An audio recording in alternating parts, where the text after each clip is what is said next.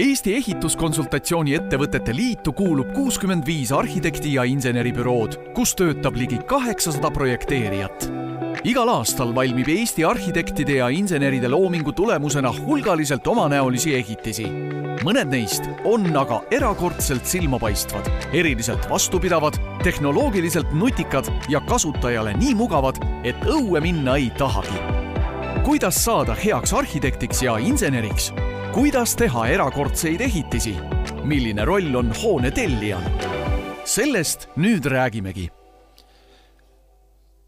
tere tulemast kuulama saatesarja, mis on pühendatud kolmekümnendal novembril Tallinna Muusika- ja Balletikoolis Muba toimuvale konverentsile Ehitus kaks tuhat kakskümmend kolm pluss hange, pidur või vedur enne kui me jõuame tänase saate teemani, veidi lähemalt konverentsist endast, mis toob kokku Eesti ehitusvaldkonna loojad, otsustajad ja tipptegijad. aasta olulisemal ehitusvaldkonna konverentsil otsitakse vastust küsimusele, kuidas jõuda läbi erinevate hanketüüpide kvaliteetse tulemuseni, milliseid karisid peame vältima, mida on teistelt õppida jagatakse kogemusi ja näiteid õnnestumistest ja äpardamistustest, et tulevikus saaks teha senisest paremini sündmuse kulminatsiooniks on auhinnagala, kus ehitusettevõtjad, arhitektid, ehitusinsenerid tunnustavad aasta parimaid ehitusjuhte, uhkemaid projekte, säravamaid insenere, nupukamaid ideid, tublimaid tegijaid. Selgeks saab, kes oskab Eestis kõige paremini planeerida, paika pannakse, kelle ehitustööde kvaliteeti võiks teistele eeskujuks tuua ka saja aasta möödudes. Nüüd aga tänase saate juurde, mille kokkuleppeline pealkiri on Kuidas teha pilvelõhkujat. me oleme tänase saate jaoks spetsiaalselt välja valinud ühe atraktiivse objekti, hiljuti Tallinnas Maakri tänaval avatud kõrghoone Skyon ning räägime, kui keeruline on sellise saja meetri kõrguse ja kahekümne kuue kordse Tallinna ühe uue maamärgi loomeprotsess. alustades tellija soovidest, arhitekti ideedest ning projekteerimisest ja ehitamisest tänase saate külalised on Eesti Ehituskonsultatsiooni Ettevõtte Liidu tegevjuht Kalle Karron, arhitekt Raivo Kootov Koko arhitektidest, projekteerija Martti Sein ettevõttest Neoprojekt OÜ ning Skyon kõrghoone omanikfirma Capital Mill esindajad, ehitusdirektor Silver Neemelo ja projekteerimistööde juht Reet Kalmet. tervist! Nüüd, kui me tuleme selle pika sissejuhatuse, pika sissejuhatuse järel korra selle sillani, siis Kalle, ütle sina, miks me sellest Skionist just nimelt selle konverentsi võtmes räägime? jaa, konverentsil on seekord teemaks hankimine. ja, ja hankimine on noh, väga oluline ühe sellise ehitise valmimisel, see algusprotsess, tellija tarkus on hästi oluline. ja on ju elus niimoodi, et, et mõni ehitis tuleb paremini välja ja mõni ehitis ei tule jälle nii hästi välja kindlasti on karisid, aga on kindlasti ka häid näiteid. ja me täna nüüd tahame tõesti äh, selle ka konverentsi kontekstis rääkida ühest väga heast näitest, kuidas äh, tellija on väga hästi läbi mõelnud, ta on leidnud hea meeskonna ja kuidas see hoone on tegelikult ka hästi valminud. nii et, äh, et jah, ühe sellise õnnestunud objekti valmimise lugu peaks olema mis ei tohi nüüd olla selline signaal äh, saatekuulajatele, et justkui kõik teised on ebaõnnestunud, eks ju. et vastupidi, see on lihtsalt nagu väga hea koostöö näide, nagu mina olen äh, sissejuhatavas jutus aru saanud, mida me siin teiega ette valmistasime. aga asume asja kallale, et äh, Reet ja Silver, teie olete nüüd Capital Milliga ja selle maja loomisega kõige otsesemalt seotud, te teate kogu seda sünnilugu kuni hetkest, kui see idee tekkis. mis sinna Maakri tänavale siis tegelikult võib-olla kõige algsemate, ulmelisemate mõtete järgi pidi tulema? jaa. eks kui see kinnistu sai omandatud, siis äh, selle kinnistu suurus oli tuhat kolmsada ruutu, mis on niisugune keskmine eramaja suurus, asub südalinnas ja see kõik nagu paistis ette, et, et on tegemist nagu väga keerulise ja väga-väga keerulise ülesandega. eks meie idee oli algul, algul sinna ikkagi teha selline maamärk, mis ikka selgelt eristub ümbruskonnast, on oma olemuselt unikaalne ja tekitab inimestes heas mõttes nagu vastakaid tundeid. ja teine, mis ei olnud vähem oluline, oli see, et me suudaksime tagada paindliku lahenduse nagu hoonesse sisse ka, kuna tegemist oli, tegemist oli väga äh, kitsastes tingimustes oleva kõrghoonega, mille torni üüritava ruutmeetri suurus oli kolmsada ruutu, natuke peale, siis et tagada, et oleks äh, pakkuda hiljem hoone kasutajale, erinevatele kasutajatele võimalikud erinevad lahendused, siis see oli üks niisugune raske koht, mida me soovisime kohe alguses nagu selgeks saada ja täita. oli Tallinna linn andnud ette ka mingid selged piirmäärad, nii, kakskümmend kuus korrust on maksimum, te tohite ehitada sinna sellise vaatega, sellise konstruktsiooniga, sellise välimusega maja? no linn oli ette andnud, et meil oli seal kehtiv detailplaneering, et tegelikult sealt tulid välja teatud nagu kriteeriumid ja kitsendused, ette oli antud kõrgus ja, ja tegelikult oligi nagu selles mõttes ja täisehitusprotsendid ja asjad. meil endal oli nagu valida seal nagu oleks saanud ka võib-olla teha natukene madalamad korruse kõrgused, teha natukene rohkem, rohkem nagu mahtu, aga me ikkagi läksime nagu seda teed, et äh, hiljem hoone kasutajal oleks võimalikult nagu mugav ja hea seal olla Raivo Kotov, kui nüüd äh, ühel hetkel kuulutati välja konkurss, et äh, sellele tuhande kolmesajale ruutmeetrile, see on väga hea tähelepanek, ma arvan, et äh, paljud saatekuulajad, kes võib-olla omavad maatükki, ma ei tea, Tallinnas või kuskil mujal, nad võib-olla saaks sellest väga hästi võrdlusest aru. Pirital klass, klassikaline krunt on üheksasada ruutmeetrit, et see on põhimõtteliselt ikka väga väikesele pinnale ehitatud pilvelõhkuja. no kui suur väljakutse see siis arhitektile oli? Arhitektile oli see väga suur väljakutse ja selles mõttes äh, tunnustan tellijat, et, et nad määratlesid väga täpselt lähteülesande, äh, mida nad soovivad seal väikesel maatükil näha, on ju, ja, ja eesmärk oli ka eristuda. see, kuidas eristuda, see oli arhitekti nii-öelda loominguvabadus välja pakkuda, et eh, kui me vaatame seda Tallinna Maakri kvartali kõrghoonete piirkonda, siis domineerivad or-, nii-öelda ortogonaalsed, hallid, sinised toonid, et eh, meie idee oligi tuua sisse, eh, sisse sellist värelust, mitte orto-, ortogonaalset Äh, arhitektoonikat ja rõhutada olulisi elemente, ehk siis hoone peasissepääs, selgelt kaugele nähtav läbi kolmekorruse aatrium, pimedas sägab ja, ja nii-öelda loom- või noh, päikesevalguses äh, hiilgab ja, ja noh, selles mõttes need olid need väljakutsed, on ju, ja noh, nii nagu Silver ütles, et eh, kuna selle torni pind oli nii väike, siis noh, erinevatele kasutajatele, kuidas luua võimalusi, et kas noh, mõni tahab suuremat bürood, mõni tahab väiksemat, et seal maja sees on korrused ühendatud ja, ja selles mõttes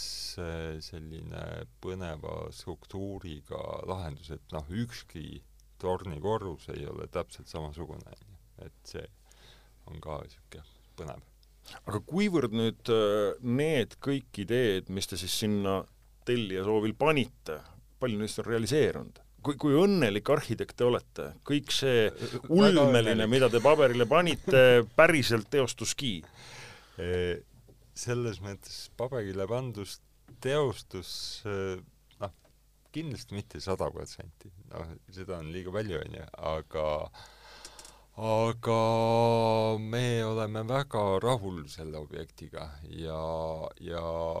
selles mõttes selle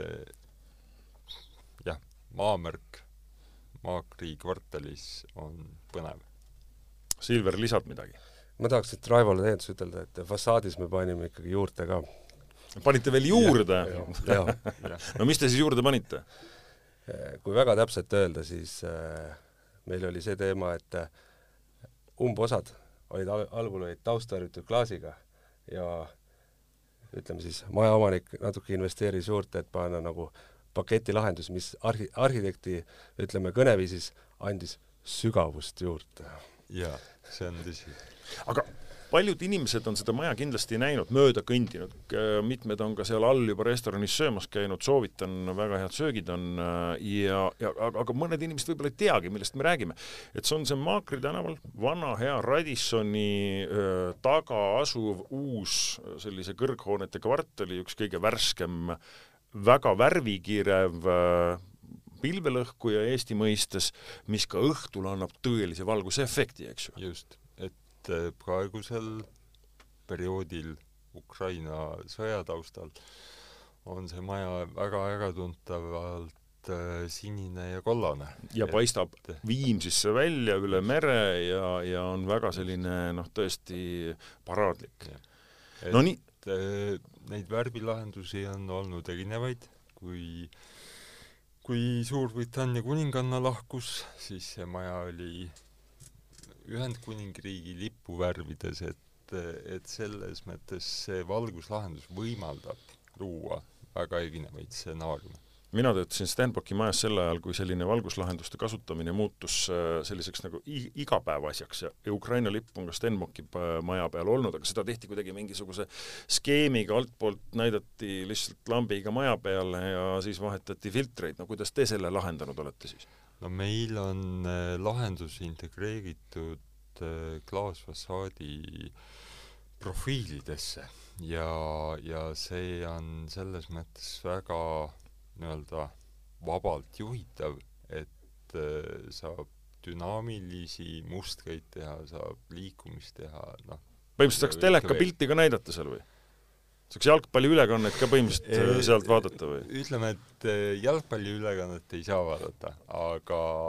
aga sellist värviemotsiooni saab väga vabalt anda, jah tuhat kolmsada ruutmeetrit, noh kui palju oli või kuidas see arhitekti töö nagu selles mõttes nagu välja näeb, et äh, ja, ja teisalt ma lähen siit ka kohe projekteerijate ja, ja inseneride juurde, eks ju, et et sul on nii väike ruum ja sa pead tegelikult selle nii väikese ruumi sisse kõik need tellija soovid ära mahutama, tekitama sellest sellise ruumi, kõik need lahendused ja see oleks veel efektne kui palju oli neid mustandeid, mille te piltlikult öeldes seal arvutis, mis iganes programmis te töötate, kokku käkerdasite, viskasite ära, ütlesite ei, ei, hakkame otsast peale? Äh, mustandeid oli kindlasti ja, ja selles mõttes äh, nii-öelda loomeprotsessis algselt erinevaid ideid käiakse läbi, heidetakse kõrvale ja sõelutakse nii-öelda tegad siis sõkaldest välja. no vot aga kui nüüd tulla projekteerimise juurde, siis äh, Reet, sina tead kogu seda protsessi väga hästi, et äh, kui palju nüüd sellest hetkest alates, kui äh, kogu arhitektid tulid oma sellise suurepärase loominguga arhitektuurikonkursi võitjaks, oli ju nii, palju nüüd siis hoiti peast kinni öeldi, issand jumal, nüüd me hakkame, hakkama seda päriselt nagu lahendama, realiseerima, arvutusi tegema ja veel ka äh, valmis ehitama ei no kahe käega me peast kindlasti kinni ei hoidnud, et tegelikult kohe peale seda arhitektuurikonkursi võitu ja võidutöö selgumist, et esmane ülesanne oligi komplekteerida see projektimeeskond ja, ja täna nagu tagantjärgi vaadates võib öelda, et meil oli ülimalt õnnestunud valik, et noh, tegelikult ühe eduka projekti realiseerumise õnnestumiseks, selle õnnestumise aluseks on tegelikult selline ühtehoidev ja ühtselt hingav tegelikult projektimeeskond. et, et see läks meil nagu ülimalt hästi, väga pädevad oma erialaspetsialistid ja see, mis on tegelikult Capital Millile juba ütleks nii, et küm-, kümmekond aastat olnud äh, nagu tavapärane tegevus, mis ma arvan, et ka täna, tänasel ehitus- ja projekteerimisturul on ka juba ütleme, et heas mõistes hea tava on see mud-, mudelprojekteerimise oskus, et, et nii-öelda ka projekteerimishankel osalejate nii-öelda kvalifitseerumise eelduseks oli mudelprojekteerimise tarkvara, tarkvarade tundmine, kasutamise oskus, pädevus ja nii-öelda need lisaks ka siis need digitaalehituse ja digitaalse töö tegemise nii-öelda oskused. et noh, selles suhtes läks meil suurepäraselt Äh, siis nii-öelda kogu selle projekteerimisprojekti äh, protsessi juurde tagasi tulles, tegelikult mis oli hästi pikk, et kui meil arhitektuurikonkurss oli kaks tuhat seitseteist, siis tegelikult äh,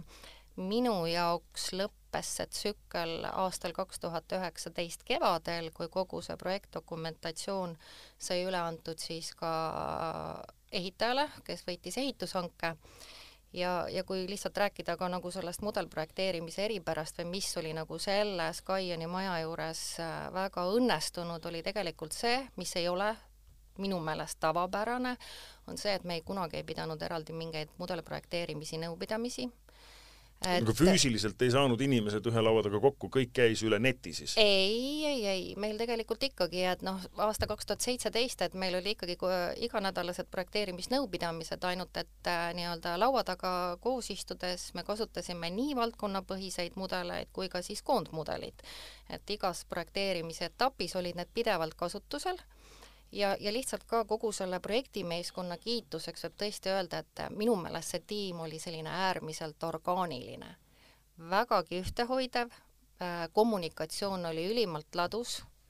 äh,, ei pidanud kedagi tagant torkima, tagant sundima ja, ja üks, mida ma tegelikult ääretult hindan ka kogu selle projekteerimistiimi juures, on nagu kolleege ja, ja meeskonda arvestav, ehk ma toon väikseid selliseid näiteid et äh, juhul, kui me uuendame mudeleid või uuendame projektipangas jooniseid, siis hea tava on see, et me alati informeerime oma kolleege, et mida me oleme seal teinud, variant A DVG-del, kui meil on mingisugune revisjonikast, kirjutame sinna, aga kui neid muudatusi on rohkem olnud, et, et me paneme väikse lühikese kaaskirja, ei ole midagi pikka vaja, et just nimelt teistega arvestamine ja läbi mõelda ke,, kelle, keda see info võib puudutada, mis on seal tehtud, et tegelikult see toimis. et midagi, mis meis noh, ütleme inimestes on, on alati olemas, et me hoolime, arvestame teistega, siis ma ütleks, et selles, selles töökeskkonnas ja projektimeeskonnas oli see ikka, mina ütleks tipptasemel Marti, teie projekteerijana, mis projekt, mille te siis ühel hetkel saite, kui pidi seda kõike hakkama siis nii-öelda nagu läbi projekteerima, mis see on? TVG, on see mis iganes programm, suumid sisse, tavaline inimene jätkuvalt ehitab oma kord kodumaja vist ilmselt PDF-failidega, eks ju? jaa, no eks meie oma töö alustamiseks saame arhitekti eskiisi tavaliselt aga kui nüüd Skyoni näitel kõrghoonete projekteerimisest rääkida, siis meile kui ehitusinseneridele ehk projekteerijatele on, on sellise kõrghoone puhul peamine väljakutse selle hoone püstuvuse ja stabiilsuse tagamine. ehk äh, hoonele mõjuvate horisontaaljõudude tulemusena hoone oleks stabiilne ja, ja limiteeritud siiretega aga nüüd täpsemalt, mis see siis tähendab, kas siis kakskümmend kuus korrust öö, oleks võinud olla ka kolmkümmend kuus korrust sellel tuhande kolmesajal ruutmeetril näiteks, arvutasite te need asjad läbi või see kakskümmend kuus, kuidas oli, oli arhitektide poolt kohe ette nähtud? pigem oli see isegi detailplaneeringuga ette nähtud ja, ja ka arhitektide töö tulemusena nii nagu kavandatud, aga aga iseenesest ma arvan, see kolmkümmend kuus oleks reaalne. kuigi minu teada on selles tsoonis on see kõrghoone piirangute limiit, mis nagu seal kõrgemaid ei ei, ei lubagi, eks. aga jah, selle, selle noh, nii-öelda kõrghoone näitel siis veel, et, et kõige suurem hoonele mõjuv koormus selle hoone puhul on tuulekoormus, eks. ja, ja antud hoone, hoone puhul on seal veel teatud eripärad, et kuna see hoone jalajälg või see pindala on sellise geomeetriaga, et tema kõrgus on tunduvalt suurem kui, kui tema laius siis selliste hoonete puhul tuleb nagu eraldi arvestada noh, tuule pulsatsiooniga ja ja naaberkõrghoonete pulsatsiooni ehk tuulejälje mõjuga. ja, ja seal on siis noh, variandid, et kas tehakse tuuletunneli katsed, et saada seda tuulemõju täpsemalt uurida või tehakse nagu erinevad eraldi eksperthinnangud, eks, sellise olukorra puhuks siis meie kasutasime seal naaber, naabruskonnas tehtud tuuletunneli katseid selle maja projekteerimisel. kas ma saan aru, et sellesama tuule tõttu on see maja ka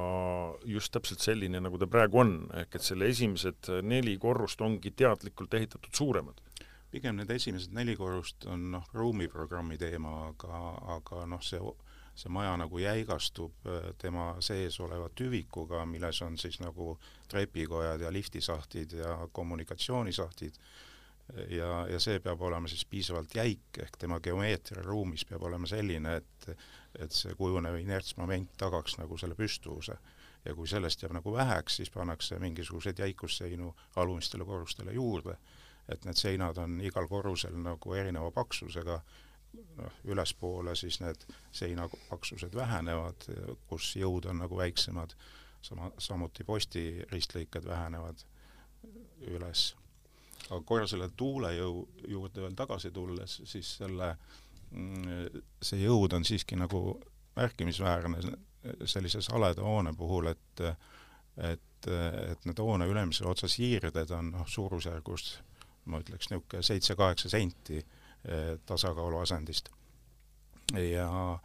ja võib-olla see ei ole nagu kõige suurem teema, aga, aga noh, teema on sellest hoone omavõnka sagedusest äh, Äh, tulenev nagu see liikumise kiirendus, et kui tuul puhub ja maja hakkab liikuma, et siis piltlikult öeldes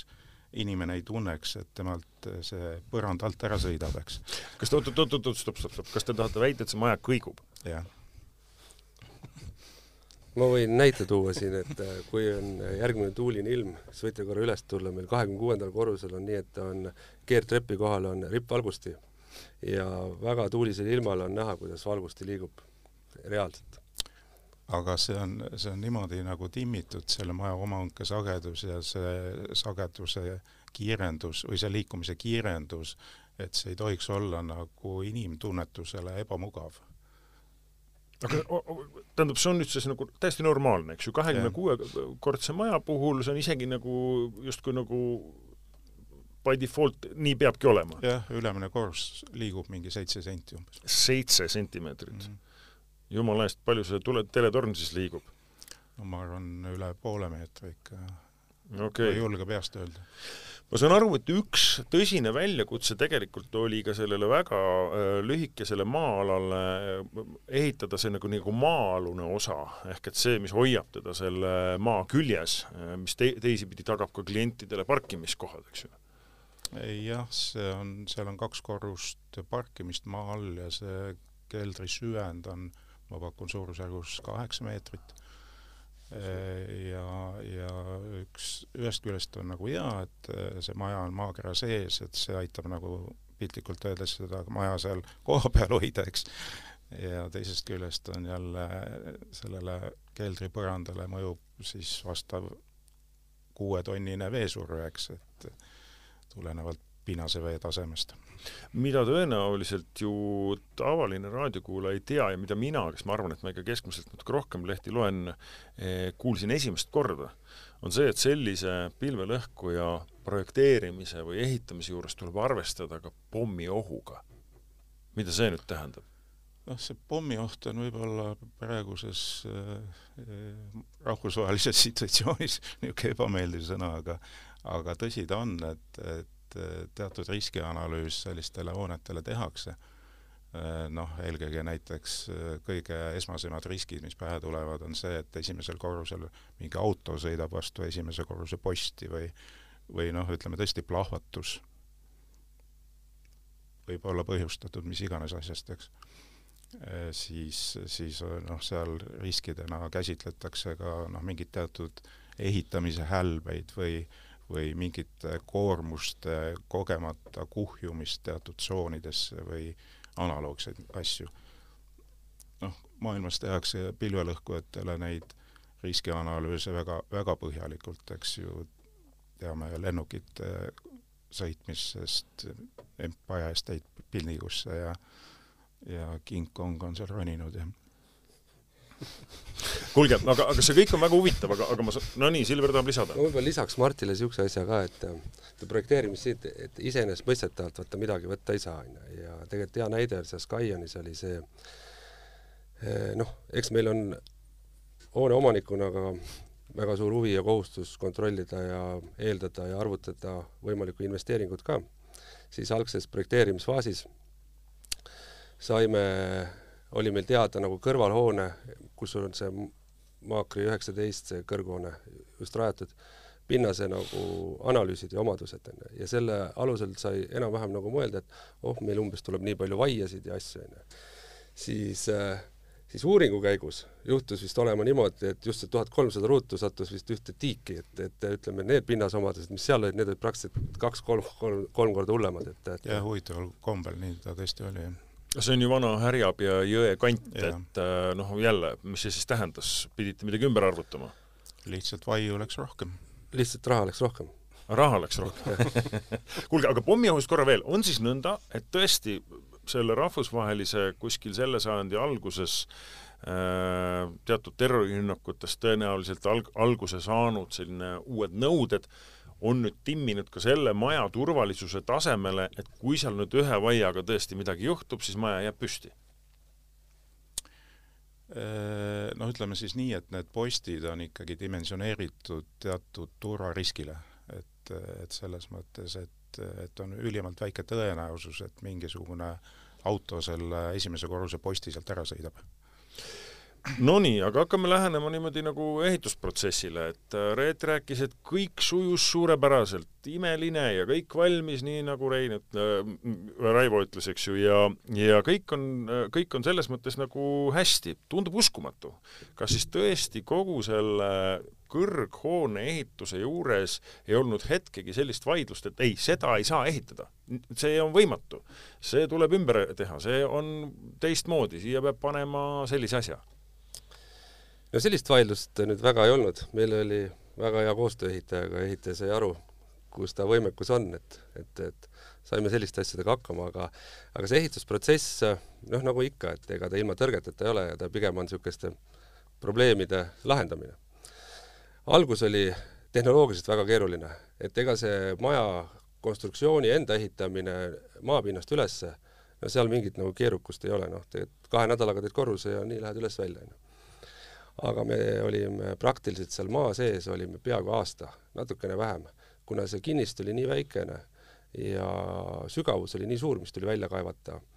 ja toekonstruktsioonid olid risti-rästi seal läbi kahe korruse, siis sinna praktiliselt ekskavaator sisse ei mahtunudki. ja see kaeveprotsess, kogu see nulltsükli rajamine oli tohutult nagu pikk, et seal vahepeal käisid juba linna peal kõlakad, et, et äkki on raha otsas või mingi värk, et, et midagi ei toimu. aga aga ehitus iseenesest, ta nagu sujus nagu tegelikult äh, suures pildis nagu okeilt, et ma mäletan seda, et äh, kaks tuhat kakskümmend üks alguses olime äh, ehitustrusti juhatuse esimehega ühe korruse peal, vaatasime, et oh noh, esimene august on tähtaeg, et tegelikult jõuab ilusti, et pole hullu, et kuus-seitse kuud ja noh, siis tuli see, noh, see Covidi värk on ju, see selleks on ju, aga mis kõige, kõige nagu hullem asi oli, mis tegelikult näitas selle meeskonna nagu tugevust minu silmis, oli see, et ma ei mäleta, kas see oli üheksas mai või viisteist mai, tuli mul õhtul kell pool üheksa telefonikõne, et kuule, tead, et Maakri tänaval saab ujuda et äh, kuna seal all on see Härjapea jõgi ja ehituse ajal seda anomaaliat ei olnud, siis äh, just sel hetkel hakkas jõ-, nagu see, ütleme siis see kanalisatsioonitrass tagurpidi suurte vihmadega tööle ja tegelikult uputas kõik esimesed korrused, miinus üks, miinus kaks, kõik uputas ära. et korraks oli nagu, ma mäletan õhtul kell üksteist, kui olid uksed kinni pandud, istusime soojakus, siis korraks nagu tekkis nagu niisugune kümneminutine paus, et mõtlesin, no nii. aga tead, järgmine hommik läks kuidagi veel energilisemalt see asi edasi ja tegelikult siin nagu tõesti müts maha selle kogu meeskonna ees, et, et, et saime nagu suurepäraselt hakkama ja ja augustikuus olid, oli hoone, hoone sai avatud ja esimesed need kasutajad sees. kas see veeprobleem on lahendatud, arvestades ka seda, et sinna kerkib veel neid pilvelõhkujaid? Ma pean kurbusega öelda, ütlema, et ei ole see on natukene suurem, suurem süsteem, mida on vaja lahendada, et, et, et aga ma arvan, et me ise mõtlesime siin mingi väikse pisikese inseneri leiutise endale sinna uste ette, aga, aga aga muidu suures pildis ma arvan, see laheneb alles siin heal juhul kui viie aastaga. Nüüd, kui me tuleme ehituse juurde, siis äh, üks, millest me mööda ei saa, on need kõikvõimalikud innovaatilised digitaalsed lahendused, mis tagavad ka säästliku režiimi, väiksemad küttearvud, jah-, jahutuse ja kõik nii edasi. seda on ka seal majas ikka mehe moodi. jaa, et tegelikult siin ongi kaks etappi nagu projekteerimises ka, et üks etapp on see, kui nüüd Reet andis selle projekti üle, asjad olid nagu põhiprojekti staadiumis valmis tehtud väga hästi, on ju, ja sul oli enam-vähem pilt ees, on ju, siis tegelikult koostöös nii Kokoga kui teiste projekti osapooltega hakkas nagu tegelikult väikest viisi nagu ümberprojekteerimine, selline just, et kuidas nüüd vaadata nagu kasutaja poolt ka, on ju. et näiteks energia, energia kokkuhoiu koha pealt on meil paigaldatud alternatiivne küttesüsteem ka, ka nagu kaugküttesüsteemile, mis tegelikult annab meile sellise paindlikkuse, et et me võime hoonet kütta kuni null kraadini ka soojuspumbaga. ehk meil on nagu võimalus nagu valida nagu energia nagu säästlikum lahendus, mis hoiab ühtepidi kokku, on ju. teiseks, meil on hoonesse paigaldatud äh, on R8 süsteem, mis on nagu, nagu tehisintellekt, intellekt, no mis jälgib väga väikeste ajasageduse äh, alusel süsteemi toimimist ja siis vastavalt äh, vajadusele reguleerib seda, ehk ei ole nagu niisugust ülearu raiskamist aga, aga lisaks sellele on teil ju veel seal äh, väga põnevad äh, jahutuslahendused ju kuidagi niimoodi, et inimene, kui ta töölt koju läheb, siis äh, pärast tööpäeva lõppu äh, temperatuur vahetub seal. no tegelikult ongi seesama, see R8 hoiabki seda, et, et vastavalt kohaloleku nagu ütleme siis anduritele annab ta signaali, kas inimene on majas või mitte, vastavalt sellele ta siis langetab temperatuure ja nii edasi, et, et, et ja kusjuures energia koha pealt me oleme saanud ka tagasisidet, et meil on näiteks Coop Pank, kes on kümnel korrusel, on reaalselt teinud äh, Exceli äh, võrreldes eelmise nagu hoonega ja seal on kordades on vahe, kordades. ja seda on meeldiv kuulda, see on ju kõik kokkuhoid. ma tean, et üks kaubanduskeskus, kes hiljuti äh, vahetas oma jahutussüsteemid välja, väidab, et ta hoidis kaheksakümmend tuhat eurot kuus kokku oma kommunaalkulusid aga see selleks, tuleme korra Skyoni juurde, et äh, kui me räägime sellest Skyoni nagu nii-öelda valmimisest, kas arhitektist alates ei olnud mõte, et aga, aga prooviks selle nagu eriti roheliseks pöörata, teeks puidust, ma ei tea, väidetavalt New Yorgis Manhattanil on kehtestatud klaasile juba mingisugused äh, äh, piirid, et enam ei tohi lähtuvalt kliimaeesmärkidest äh, püsti panna ainult klaasist äh, pilvelõhkujaid ma arvan seda, et Eestis see puidu kasutamine iga aastaga intensiivistub. et hetkel on meil tuleohutusreeglid sellised, et me võime teha kuni kaheksakordseid puitmaju. Neid ei ole palju tehtud, valdavalt on ikkagi kahe-kolmekordsed puitmajad, aga nii-öelda mujal Euroopas, Norras on minu teada kaheksateist korrust, Austrias kakskümmend kuus korrust, et neid järjest nagu tekib ja ma arvan, et kui Capital Mill võtab siin järgmise objekti ette, et äh, kas see on juba puiduaeg, pead ei anna, aga ma arvan, et ülejärgmine võib küll olla. no Silver, on siis nõnda või? puidust pilvelõhku ja esimene Eestis miks mitte, kuigi ma arvan, et võib-olla alustaks mingi kaubanduskeskusega, niisuguse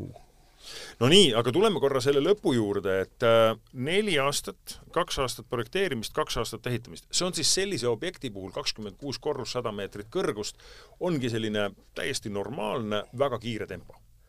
tegelikult see on, tagantjärgi üteldes, see on tegelikult unikaalne projekt selles mõttes, et äh, et me unustame ühe asja ära veel. et äh, me projekteerime, me ehitame aga vaata, kellele, on ju. tegelikult on niimoodi, et äh, kui võtta nii, et algas kaks tuhat seitseteist ja meil olid hoones kõik pinnad kaetud kaks tuhat kakskümmend üks suvel, ehk siis tegelikult see tempo on nagu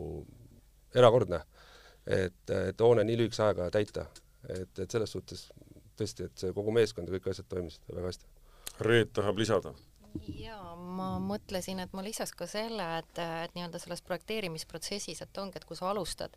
siis ei ole sul üldjuhul teada veel need tulevased üürnikud, mis tähendas seda, et nii arhitektile kui sisearhitektile,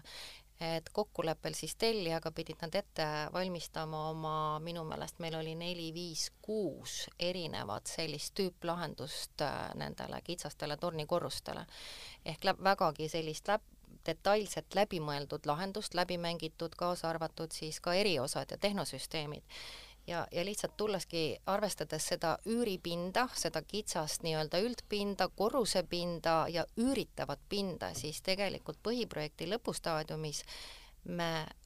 optimeerisime kõiki tehnosüsteemide šahte, sest et kust andis kokku võtta veel paarkümmend senti, mida madalamatel korrustel, kuna meil nagu siis need tehnoseadmed, ventkaambrid on kaheksandal ja kahekümnendal korrusel, ehk siis altpoolt madalamatel korrustel on šahtidest torusid vähem. me võitsime sealt juurde, kui me võidame sealt pool ruutmeetrit, ruutmeetrit, ühe ruutmeetri, see tegelikult on puhas raha, see on puhas sissetulek ja teine, mis oli ka ääretult oluline, millel nagu tähelepanu tasub ka pöörata, et nii-öelda kõik need tehnosüsteemid, mis sinna majja on projekteeritud, et see on ikka äärmiselt kõrge täpsusega, olid ka juba meil põhiprojekti lõpus, et äh, ka konstruktoril sai siin koos eriosade projekteerijatega nihutatud siis kandekonstruktsioonides tehnosüsteemide avasid. Ikka, ma arvan, et siin kaks senti siiapoole, viis senti sinnapoole, sest see on nagu üüratult oluline, et ei, ei kaoks selle hoone nagu kandevõime, et selles mõttes äh, nüüd enne seda ehitushankesse minekut, tänu ka mudelprojekteerimisele ja kõige nendele kontrollidele ja, ja projektiosade ühilduvusele, tegelikult see tulemus oli nagu kvalitatiivselt kordades parem, kui on noh, nii-öelda tavapärasest või meie harjunud mõistes. no seda on hea meel kuulda, eelmises saates me just kõnelesimegi di digitaalehitusest, kas siis selle Skyoni puhul on võimalik öelda, et täna tõesti, nüüd kus maja on valmis, ehitajad kõik on lahkunud, Coop Pank on seal kenasti sees, Coop Panga mingisuguses seinas tekib lühis, siis võtad selle programmi lahti ja tead täpselt, kus on see sinine juhe, tead täpselt, kus on see jahutusaparaat, vahetad ära filtri ja kõik on enasti ühes failis kirjas ütleme niimoodi, et meil on teostusdokumentatsioon sellise täpsusega, et äh, me saame aru, kui kuskil miskit juhtub. ma nüüd tulen äh, lõpetuseks võib-olla hoopis, Kalle, sinu juurde, et sina kui Eesti Ehituskonsultatsiooni Ettevõtete Liidu tegevjuhina selle Skyoni siia meile epitsentrisse tõid, et äh, mida me peaksime sellest projektist võtma kaasa olukorras, kus no me peame järgneva, järgnevate aastate jooksul ära rekonstrueerima väga palju kortermaju, ehitama strateegiliselt olulisi äh, objekte riigile, mitmed hanked on läbi kukkunud, hanked on ka see teema, millest konverentsil räägitakse. ehk et kuidas saavutada seda, millest me siin oleme kolmkümmend seitse minutit rääkinud, seesama koostöö, seesama tempo, seesama arhitekt on õnnelik, näed, särab siin, eks ju, konstruktorid ütlevad, see oli ülihuvitav projekt, eks ju, kuidas seda saavutada? jah, nagu siit juttu kokku saab võtta, siis kõik hakkab tellijast, tellijast peale. mida paremini on projekt läbi mõeldud, äh, seda parem tuleb, äh, äh, parem on siis nii-öelda projekteerimisprotsess, projektdokumentatsioon tuleb parem ja ka ehitajal on seda lihtsam teha. nii et tellija poolt lähteülesande läbimõtlemine on, on esimene asi, mida tegelikult tuleks teha tavapärane elu on see, et, et selleks aega ei võeta, pealiskaudne lähteülesanne, projekteerimisega vead tulema ja hiljem siis tuleb ehitusprotsessis neid nii-öelda klattima hakata. teine asi nüüd, kui me ka hankimisest räägime ja, ja täna siin Skyoni näitel on, on palju olnud juttu sellest, et on head, hea meeskond leitud. Noh, riigihangete puhul on meil pigem valdav praktika see, et ostetakse odavat hinda kui hakatakse projekteerima. ehk siis ainus valikukriteerium on hind, kes pakub odavama hinna, see hakkab siis nii-öelda seda äh, projektdokumentatsiooni tegema, noh, tavapäraselt sa ei saa sinna väga hea kvalifikatsiooniga projekteerijaid ja see meeskond ei ole ju kaks inimest, kes projekteerib, vaid tegelikult on ju kakskümmend või kolmkümmend inimest, kes selles meeskonnas on ja, ja kindlasti peaks kvaliteedikriteeriumeid ka hankes kasutama, et hind on seal üks osakaal ja ülejäänud on siis muud kvaliteedikriteeriumid nii et meeskonna valik on kindlasti hästi oluline. ja, ja kolmas asi on ikkagi see, see mudelprojekteerimise teema ka, et äh, ega insener ju tegelikult tema põhitöö on ju mõtlemine. et äh, sa pead mõtlema lahendused välja ja nüüd, kuidas sa selle lahenduse väljendus on, kas ta on sul paberil joonisena, on ta sul siis mudelis, see on väga suur vahe. et täna ma arvan, et projekteerimissektoris on, on olukord üpris hea, kuigi noh, selliselt nagu Skyonis kus erinevad projekteerimisvaldkondade spetsialistid, neil on võimekus juba mudelis toimetada. Nad saavad mudelis teha muudatusi, kogu infovahetus toimub mudelis, sa ei pea meili saatma kellelegi, sa ei pea helistama, eks, kui palju sealt tekib ju vigu sisse. see oleks ka kindlasti hea, kui projekteerijate võimekus nii-öelda kasvaks. et selles osas tuleb koolitusi teha ja ja noh, küsimus oli ka, ka haldusesse ja ehitusse jõudmine, et, et ka ehitajad tegelikult platsil ehitaja, ta võiks ju ka mudelit osata lugeda ja ka mudeli järgi neid ehitustöid teha ja hiljem halduses kasutada. nii et noh, kindlasti siin probleeme on ja, ja, ja kõik projektid ei olegi nii ideaalsed, aga, aga ma arvan, et kui siit midagi nagu sellest projektist õppida, siis, siis just see, see alguse faas on hästi oluline. väga hea, kas Capital Millil ja Coco arhitektidel ja Martti Teil on juba töös järgmised sama ägedad, sama kihvti koostööga projektid, ma saan aru, et Coco planeerib keskturgu, seal on, kõik see kogemus on juba rakendatud, läheb sama lepasereega? Läheb. Väga, väga põnev ja, ja ma usun, et Tallinna kesklinna noh, võiks öelda, et häbiplekk äh, olnud varasemalt äh, nüüd muutumises ja muutub veel, et äh,, et see saab äh, põnevaks maamärgiks. Martti, teil on lausa järgmine pilvelõhku sealsamas töös jah, no me isegi oleme praegu seotud kahe nii-öelda kõrghoonega, et, et üks on see arendus, mis on seal Liivala ja Juhkentali kandis, mida arendab siis Kapitel. seal on üks kolmekümnekorruseline kõrghoone, siis viieteistkorruseline ja siis neid ühendav niisugune madalhoonestus. see on praegu ehituses. ja, ja teine arendus on nüüd EBS-i krundile, anti hiljaaegu ehitusluba sisse, seal on kolmekümnekorruseline hoone siis planeeringus lähete objektile ja ütlete, et teeks nii, sõbrad, nagu selle Skyoni maja puhul, läks hästi, läks libedalt, saime kiiresti valmis, on nendest kogemustest kasu?